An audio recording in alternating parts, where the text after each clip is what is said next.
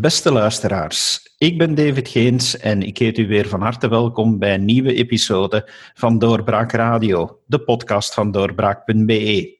Dit jaar is een verkiezingsjaar in de Verenigde Staten van Amerika en we zullen uiteraard daar het nieuws op de voet blijven volgen. Daarom heb ik hier vandaag bij me onze twee Amerikaanse specialisten. Nee, Amerika-specialisten moet ik eigenlijk zeggen, want zo Amerikaans zijn ze niet. Rowan Asselman en David Nijskes. Welkom, heren. Goedemiddag. We gaan eens even stilstaan bij de fase waar we nu in zitten in de verkiezingen in de States. En dat is eigenlijk de voorverkiezingen. Jullie moeten mij eens gaan uitleggen van hoe dat, dat systeem eigenlijk werkt, want zelf ben ik daar een leek in. We zullen dat zeker eens proberen dan. Ehm, de voorverkiezingen in de Verenigde Staten, uh, dat is eigenlijk een concept dat wij totaal niet kennen in België. Wat er eigenlijk wordt gedaan, en dat is in principe zowel binnen de Democratische Partij als binnen de Republikeinse Partij het geval, dan gaat er een soort van ledenstemming gebeuren, uh, waarin dat wordt dan um, gezocht welke kandidaat uh, uiteindelijk voor het presidentschap, dus voor de algemene verkiezing, de, de kleuren van de partij zal vertegenwoordigen. Um, dit jaar bij de Republikeinen is dat niet echt het geval. Hè. Donald Trump gaat waarschijnlijk een vrijgeleide krijgen naar zijn nominatie. Bij de Democraten daarentegen is er een, is er een heel groot, een heel groot spel gaande. Nu, hoe werkt dat concreet? Um, het is eigenlijk niet zo heel moeilijk. Wat er gebeurd is, in de Verenigde Staten is er niet echt een, een nationale sterke partijstructuur. Hè. Zeker niet op operationeel vlak. Uh, wat daar wel bestaat, dat zijn allemaal, dat zijn eigenlijk 50 kleine partijen. Hè. En dan nog uh, voor de territoriaal die erbij horen ook nog een, aparte republikeinse en democratische partij. En iedere partij gaat zijn eigen verkiezing organiseren binnen zijn staat. Dus er is een verkiezing in Iowa, er is in New Hampshire, South Carolina, Nevada, dat zijn de eerste vier. Um, en die hebben elk een eigen systeem. Met andere woorden, het is geen uniform electoraal systeem dat daar geldt. Eigenlijk heeft iedere partij, iedere staatspartij dan, uh, heel veel vrijheid om te kiezen hoe zij die concrete verkiezing gaan invullen. In Iowa zagen we dat bijvoorbeeld met een caucus, dat is eigenlijk een, beetje een archaïsch systeem, waarbij dat er letterlijk wordt gevraagd aan de, aan de kiers om naar een gymzaal te komen of naar een, naar een brandweerkazerne. En dan moeten zij fysiek een beetje gaan rondschuifelen op de vloer om hun keuze aan te geven. Er is een kiesdrempel van 15%. En dan kiezers die wiens kandidaat de 15% niet haalt, die mogen dan um, uh, bij een andere kandidaat gaan aansluiten. En op die manier krijg je eigenlijk een soort van eerste en tweede keussysteem. Um, en dan zijn er ook meer de meer klassieke uh, manieren van verkiezingen. Dat is dan deze die er nu aankomt in New Hampshire. Um, dat is dan meer een gewone uh, stembusgang die wij hier in België ook kennen, waarbij gewoon online of via een papiertje de voorkeur wordt aangegeven. Maar er zijn er nog heel veel andere mogelijke formules voor te bedenken, zoals bijvoorbeeld een, een ranked choice system, een ranked voting system, waarbij er meteen een eerste en tweede keus wordt aangegeven. Bon, clue van het verhaal, uh, dat is heel diffuus, uh, dat electoraal systeem, en de, de macht ligt daar echt in de handen van de individuele staten en van de individuele partijen binnen die staten. Maar in dat systeem, daar eh, lopen toch blijkbaar ook al wel dingen mis. Eh, een van de eerste die er nu al geweest is, Iowa, daar kregen we toch berichten te horen dat het helemaal fout liep. Wat is, wat is daar gebeurd? Ja, in Iowa is het, um, het probleem dat men een nieuwe soort van verkiezings... Uh, een soort van een nieuwe manier om verkiezingsresultaten heeft door te geven. Heeft niet, en men had dat niet getest. Dus uh, Democraten hadden dat niet getest. En, excuseer me, een beetje ziek geweest deze week. Um, en dus die hebben dat niet getest. En dus er was een heel groot probleem met het doorgeven van resultaten. Waardoor dat die resultaten nog maar heel nipt, denk ik, gisteren definitief waren. Uh, en dat heeft dus zeker vier, vijf dagen geduurd. Wat natuurlijk voor de Democraten. Um, ja, dat is natuurlijk een heel slecht beeld. Hè. Men wil het land regeren. Trump heeft er ook op die manier op gereageerd.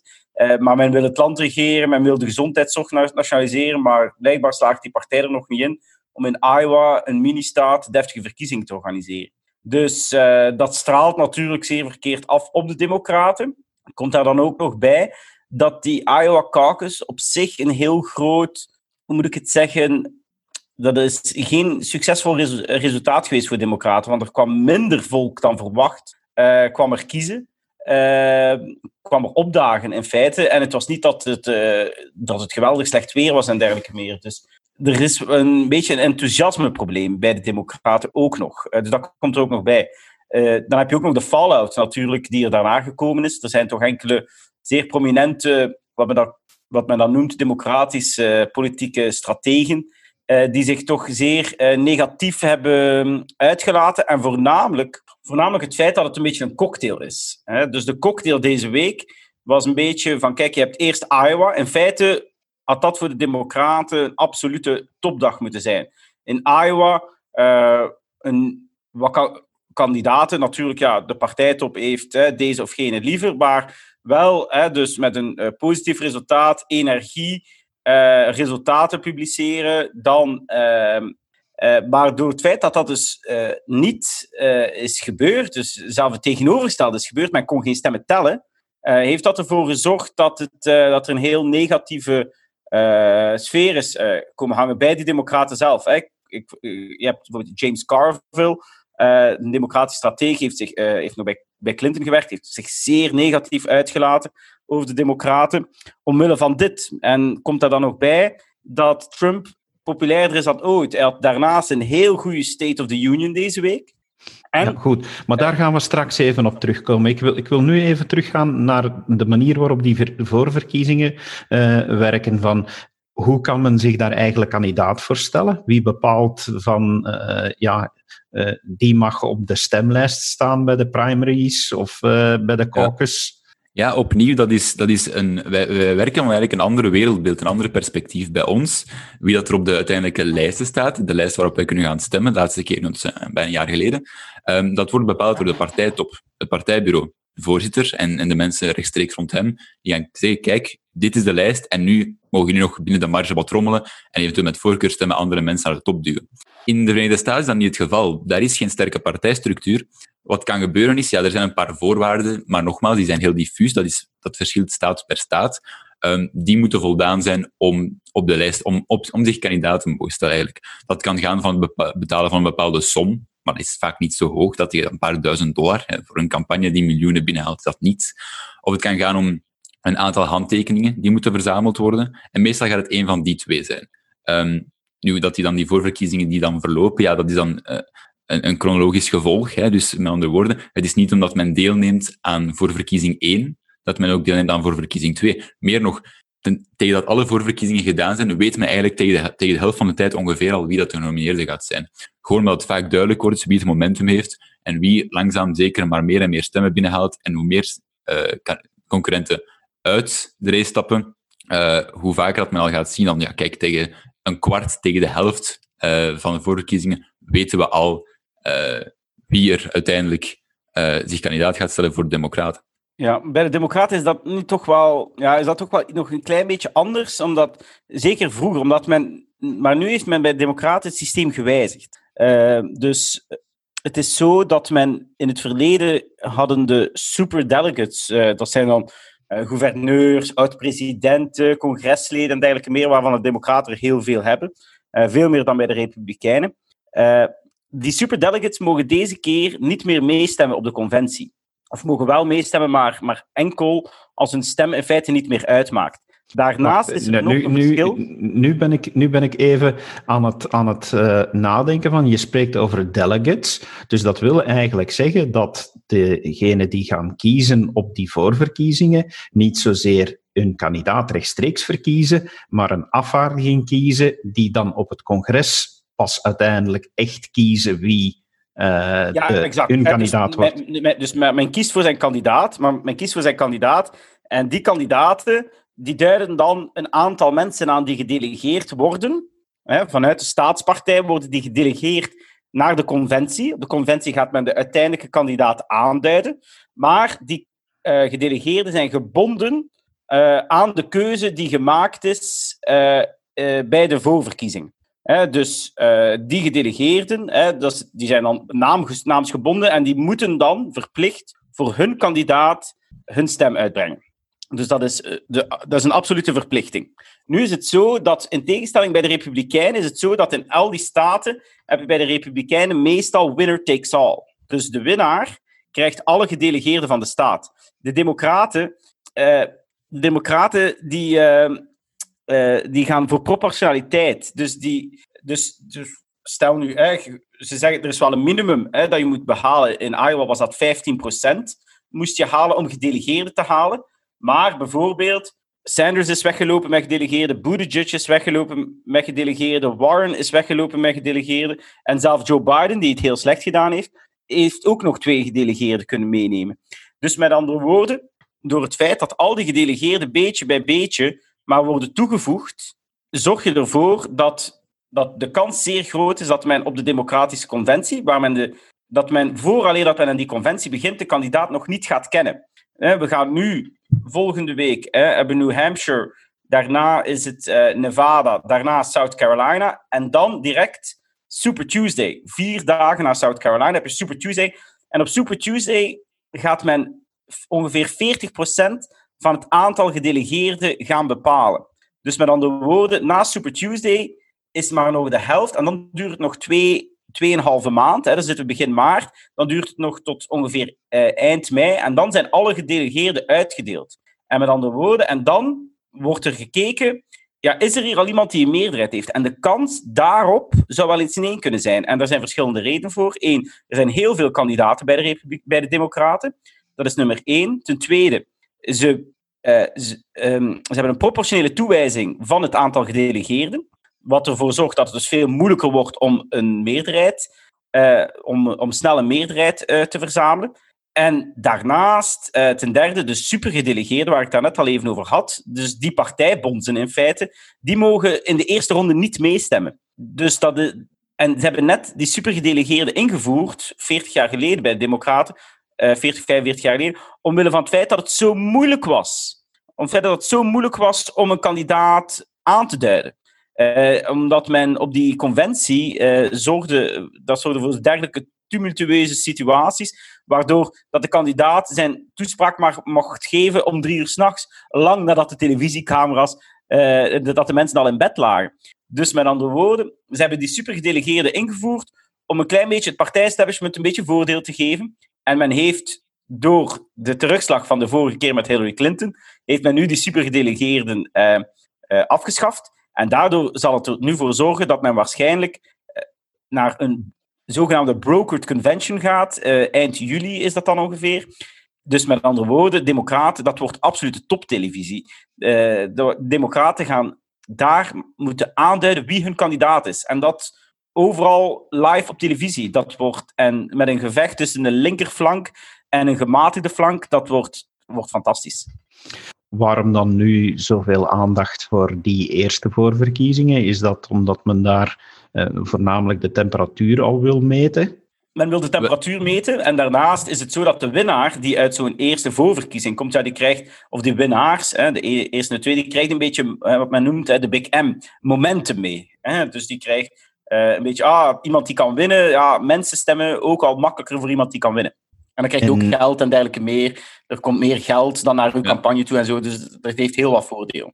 En welke kandidaten zijn er dan nu al vertrokken? Of is het te vroeg om, om daar iets over te zeggen?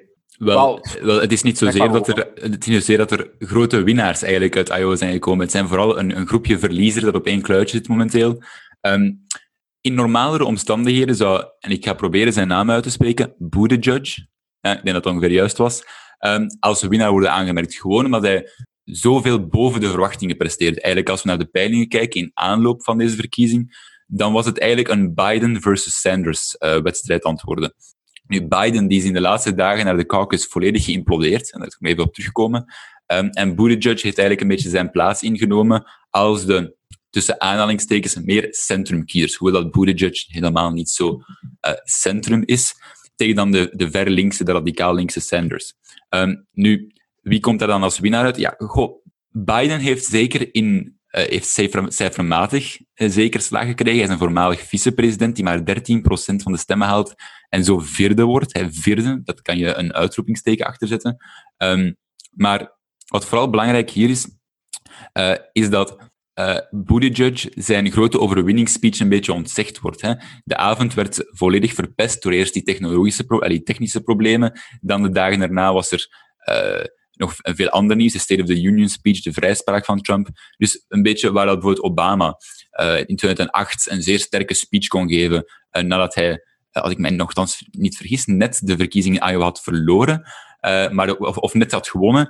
Uh, en dat heeft eigenlijk zijn kandidatuur gelanceerd uh, voor de rest van, van het jaar. Buttigieg wordt daar ontzegd en hij heeft het nogthans nodig, want hij heeft geen nationale aanhang. Hij staat zeer zwak bij eh, etnische minderheden, vooral dan zwarte kiezers. Dus hij had die, hij had die Iowa bump, hè, dat momentum uit Iowa, echt nodig. Sanders is eigenlijk de enige echte winnaar, lijkt mij, in de zin dat hij de verwachtingen inlost. Er werd verwacht dat hij het goed zou doen, dat doet hij ook. In de popular vote, dus puur het ruwe stemmenaantal, wint hij Iowa ook. Um, en hij heeft die Iowa bump misschien het minst nodig. Dus laten we zeggen, Buttigieg, zijn winst wordt een beetje geneutraliseerd, al zal hij het in New Hampshire waarschijnlijk wel goed doen. Biden krijgt slaag. Voor mij de allergrootste verliezers om af te ronden is eigenlijk Elizabeth Warren.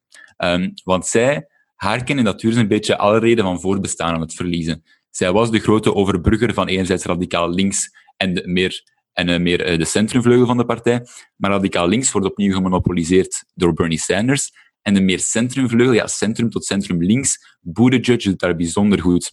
Uh, dus laten we zeggen, Sanders winnaar, Biden, Warren en, en uh, Buttigieg niet echt winnaars, vooral verliezers. Ja. Ben jij ik denk wel dat Buttigieg wel een klein beetje ik denk dat Buttigieg wel een klein beetje wel als, meer als winnaar kan worden aangemerkt. Maar ik zou ook wel nog willen zeggen dat voor Warren was het resultaat niet zo slecht. Uh, nu goed, maar we gaan nu even kijken naar de toekomst. En nu, volgende week dinsdag, zitten we in New Hampshire. Uh, de kans is dat Sanders daar het, uh, zeer goed gaat doen. Hij gaat, was, gaat zeker, volgens mij gaat hij zeker winnen. Um, de vraag is, Buttigieg doet het in de peiling op dit ogenblik in New Hampshire ook redelijk goed. Dus gaat misschien ook wel. En Warren en Biden zitten opnieuw zo rond de 13%, wat toch wel vervelend is. Maar we gaan dan toch ook uh, daarna naar Nevada en voornamelijk South Carolina. En South Carolina is in principe, als ik me niet vergis, op 29 ma uh, februari. En South Carolina is belangrijk omdat daar voor de eerste keer een belangrijk stemmenblok bij de Democraten aan bod komt. En dat is de zwarte kiezer. Uh, dus Nevada zijn voornamelijk Latino's eerder. En New Hampshire en Iowa zijn daar, dat zijn zeer witte, uh, zeer blanke staten. En uh, dus met andere woorden, in South Carolina staat Biden nu nog altijd op 31% En de tweede is Tom Steyer, die, als ik me niet vergis, afgelopen, uh, afgelopen week 1% van de stemmen kreeg of zo. En die staat daar op 18,5%. Sanders maar op 17%. Dus met andere woorden, het zou wel eens kunnen dat er daar inderdaad, hè, wat Rowan net zegt, dat er wel een shift gaat komen, dat Warren wel Sanders gaat moeten steunen. En eenmaal Warren Sanders gaat moeten steunen, zal het volgens mij onmogelijk, uh, onmogelijk worden om de linkervleugel van de partij nog te stoppen. Zeker omdat in Californië, dat doet Sanders het vandaag ook beter dan Biden. En Californië is op 3 maart. Dus met andere woorden, er zijn heel, en in Californië zijn heel veel, heel veel kiesmannen. Heel veel gedelegeerden die daar worden uitgedeeld. Dus dat zou wel eens een, een enorme duw kunnen geven aan uh, de campagne van Sanders. Sanders staat trouwens uh, uh, bij, de, bij de bookmakers. Hè, dus staat hij op 40% kans dat hij wint. Dus dat is zeer groot. het opmerkelijk is dat, dat Bloomberg opeens daar ook naar, omhoog, naar omhoog begint te komen. maar Bloomberg, ik blijf erbij. ik heb het al verschillende keren gezegd.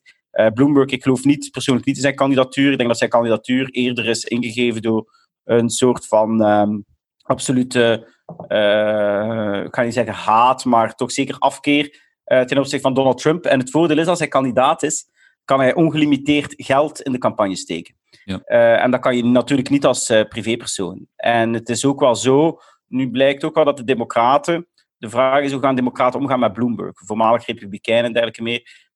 ik merk nu wel dat het establishment blijkbaar hem graag op een debat zou willen toelaten.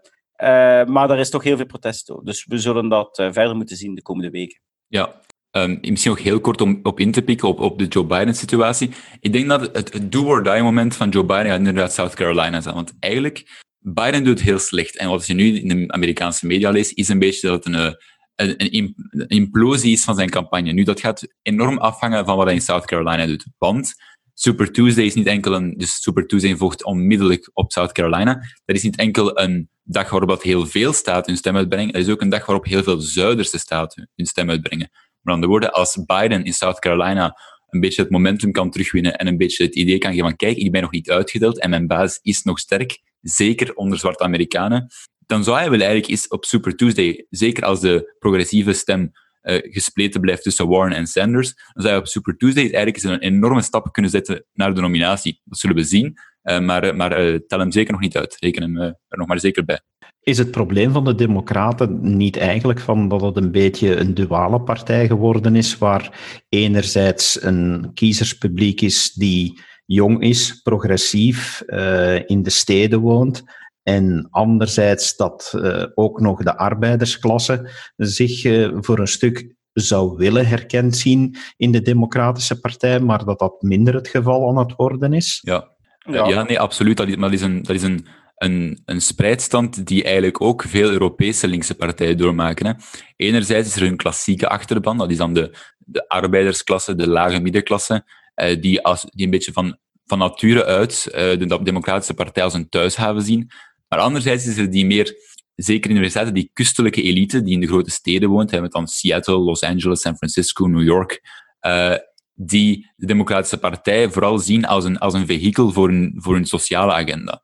Nu, dat is een beetje een ongemakkelijk huwelijk, vooral omdat die twee partijen niet bijzonder hoog op hebben met elkaar. Um, zeker um, de meer klassieke arbeidersklasse, die zijn sociaal gezien, en, en dan gebruiken we sociaal in, in een ruime zin, um, vrij conservatief. De, de culture wars, zoals ze zeggen, de cultuuroorlogen, daar gaan die zeker niet zomaar mee met die sociale elite aan de kuststeden. Zegt van ja, kijk, abortus, homohuwelijk, euthanasie, hup, zoveel mogelijk en zo vrij mogelijk er zijn er daar veel die in het midden van het land die zeggen, goed, de Democratische Partij, dat is mijn thuishaven.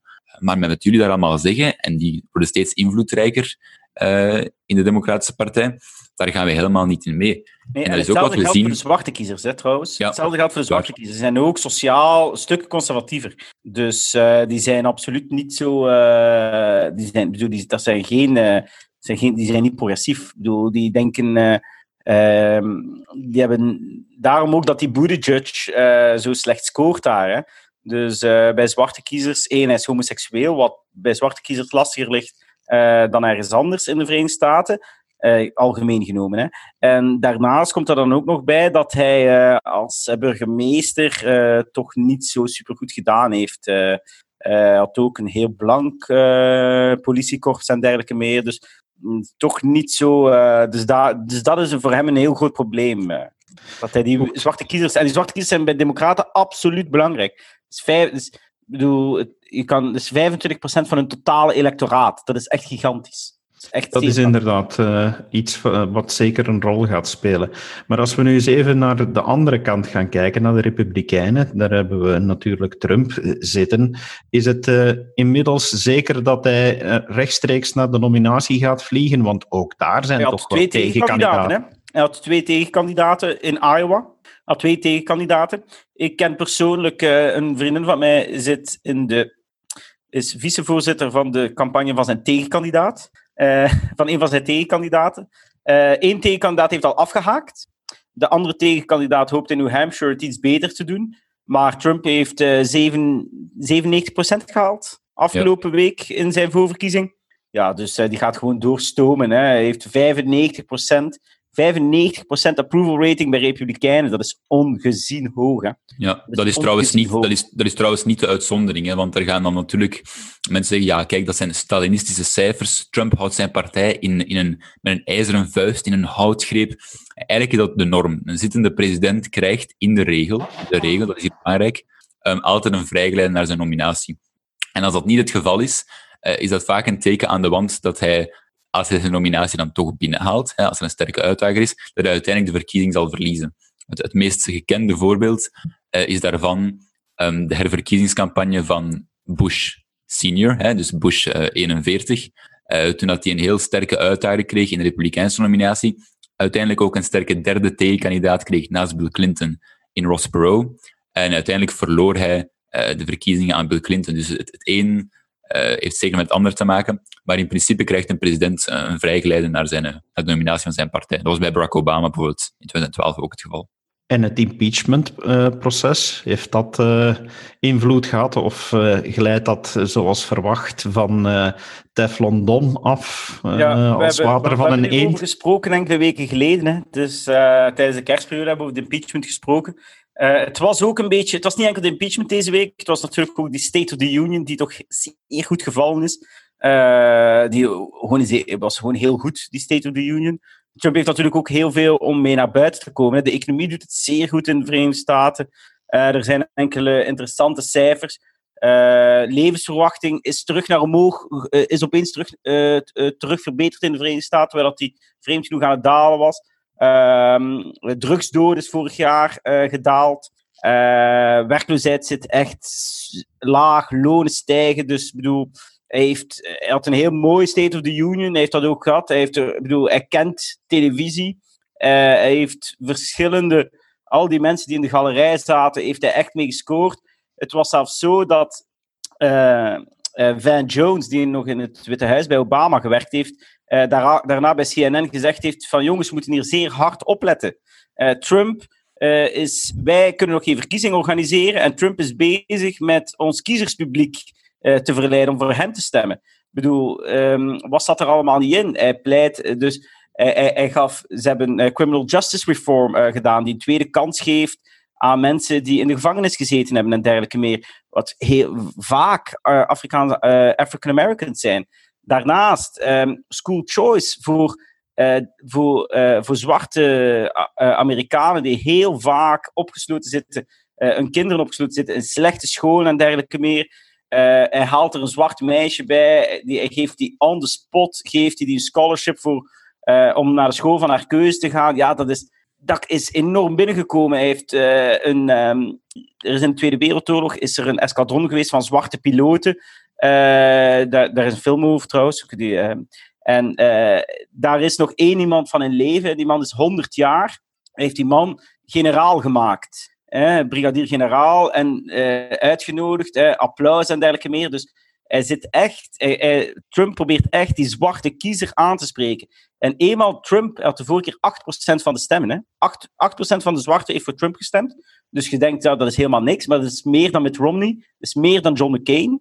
Dus, en als, als hij erin kan slagen van naar 15% te gaan, 15% te gaan, dan wordt het heel moeilijk van hem te verslaan. Eén, als hij 20% van de zwarte stem heeft, is het onmogelijk om Trump te verslaan. Onmogelijk. Dan kan hij niet meer verliezen. En wat zien we net? Dat die kiezers voornamelijk ook gaan kijken naar ja, hoe doet mijn uh, portefeuille het? En de portefeuille van die mensen eh, doet het enkel maar beter. Je ziet ook dat de inkomensstijging voor zwarte en ook voor, voor andere mensen die in de lagere sociale straten dat die hoger is de inkomensstijging is hoger dan voor uh, managers en dergelijke meer. Dus dat is toch wel zeer opmerkelijk.